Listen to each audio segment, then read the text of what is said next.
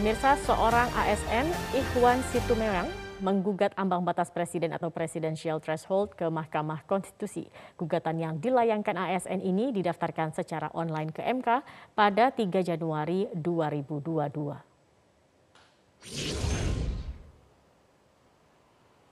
Gugatan tersebut meminta penghapusan atau revisi pasal 222 Undang-Undang Nomor 7 Tahun 2017 tentang pemilihan umum yang mensyaratkan ambang batas presiden sebesar 20 persen dari jumlah kursi di DPR atau 25 persen suara sah nasional pada pemilu legislatif sebelumnya.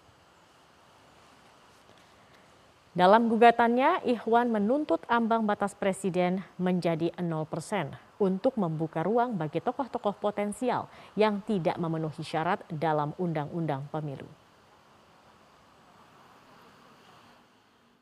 Revisi ambang batas presiden juga dilayangkan sejumlah pihak dan partai politik seperti PKS, Partai Umat, dan Partai Demokrat. Tuntutan revisi ambang batas presiden bervariasi mulai dari 0 persen hingga 10 persen. Pemirsa diduga hilang kendali kapal pengangkut semen yang akan bersandar di pelabuhan Tanjung Redep yang berada di muara Sungai Segah, Berau, Kalimantan Timur menabrak turap pinggiran Sungai Segah. Tidak ada korban dalam kejadian ini, namun turap Sungai Segah rusak.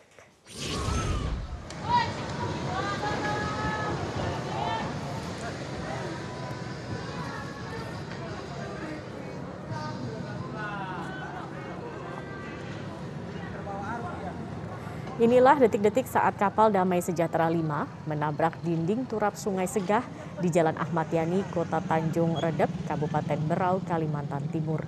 Kapal bermuatan semen dari Banjarmasin ini diduga hilang kendali saat ingin sandar di dermaga pelabuhan Tanjung Redep. Bupati Berau Sri Juniarsih bahkan sampai melihat langsung kerusakan turap di Sungai Segah yang memang berdekatan dengan pelabuhan Tanjung Redep.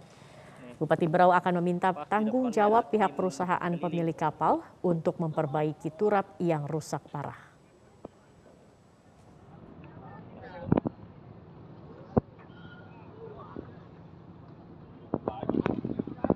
Cukup parah ini ya, cukup parah. Uh, makanya kita sudah uh, tadi koordinasi supaya pihak kapal tersebut untuk bertanggung jawab dengan intinya itu ya sih mereka bertanggung jawab dengan adanya kejadian ini. Bu udah ada info itu nabrak bu gara-gara apa sih bu? Ya, segera. segera, segera mungkin. Tapi kan ini bukan kali pertama terjadi bu. Apakah ya. ada kelalaian dari lintas itu? Nah itu kita belum koordinasikan, kita belum ketemu apa yang terjadi, apa penyebabnya itu kita belum ketemu. Intinya mereka bertanggung jawab. Ke informasi lain pemirsa, separuh wilayah di Kabupaten Aceh Utara Aceh saat ini terendam banjir. Dua warga dilaporkan meninggal dunia akibat terseret arus banjir. Seperti inilah kondisi banjir yang melanda separuh wilayah di Kabupaten Aceh Utara Aceh. Banjir yang terjadi sejak Sabtu lalu kini semakin meluas dan merendam 113 desa di 15 kecamatan. Sudah lebih dari 40 ribu warga Aceh Utara kini mengungsi ke lokasi yang lebih tinggi. Sementara itu petugas penyelamat melaporkan ada dua warga yang meninggal dunia akibat terseret arus banjir. Banjir juga telah melumpuhkan perekonomian warga serta menutup fasilitas umum. Gedung-gedung sekolah juga terpaksa diliburkan. Pemerintah Kabupaten Aceh Utara kini telah menetapkan kondisi darurat bencana dan mendirikan 85 dapur umum untuk melayani warga yang mengungsi.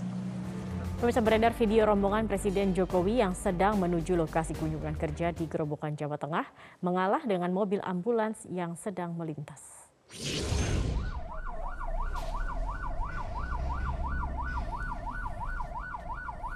Seperti inilah situasi di mana rombongan pas pampres yang mengawal Presiden Jokowi berhenti sejenak untuk memberi kesempatan mobil ambulans melintas. Presiden Jokowi hari ini memang sedang ada kunjungan kerja di Gerobokan Jawa Tengah, di antara menyaksikan vaksinasi anak di SDN 3 Ngelinduk, Gerobokan. Aksi rombongan Jokowi memberi kesempatan ambulans melintas ini bukan yang pertama kali.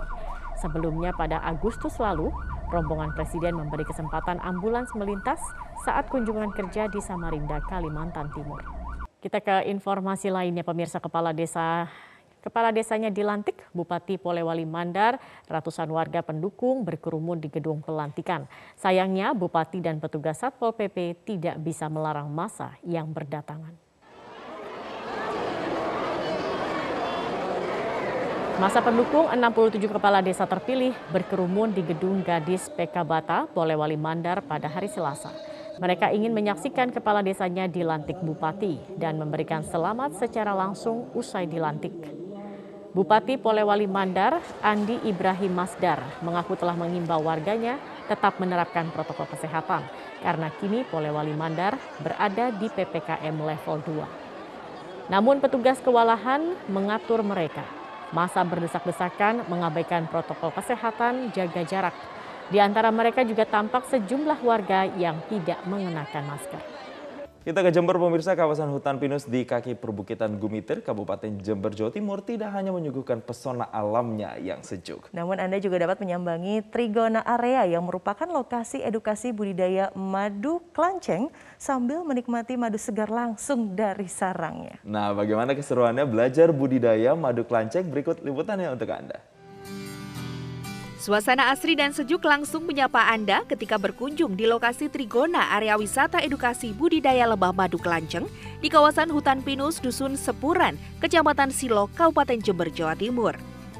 Untuk menuju Trigona area ini, Anda dapat menempuh perjalanan sekitar 30 km dari pusat kota Jember menggunakan kendaraan bermotor. Wisata edukasi lebah madu kelanceng didirikan sejak dua tahun lalu oleh pegiat madu yang tergabung dalam Lembaga Inspirator Lebah Madu Indonesia atau ILMI yang bekerja sama dengan pihak perhutani Jember.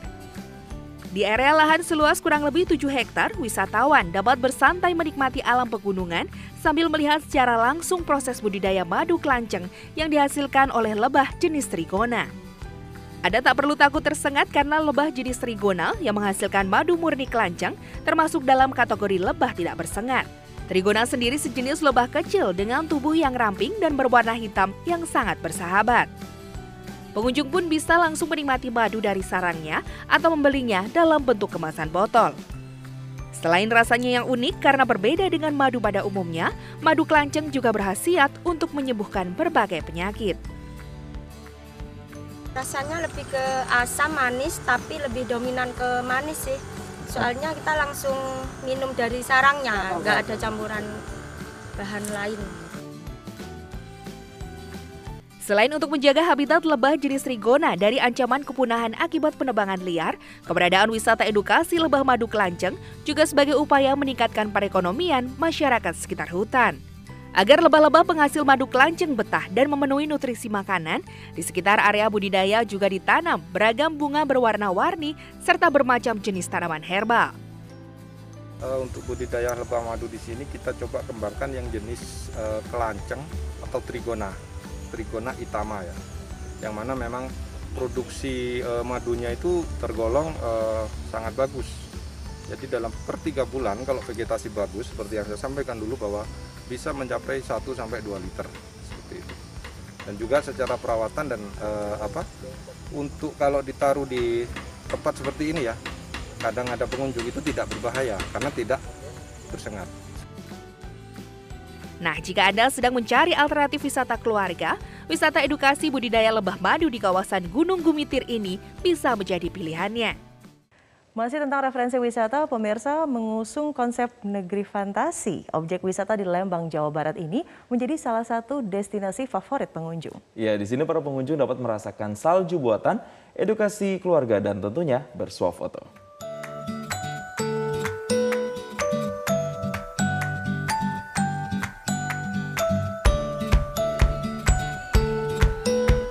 Kawasan objek wisata Lembang di Kabupaten Bandung Barat, Jawa Barat masih menjadi destinasi favorit bagi pelancong untuk menghabiskan waktu libur bersama keluarga tercinta.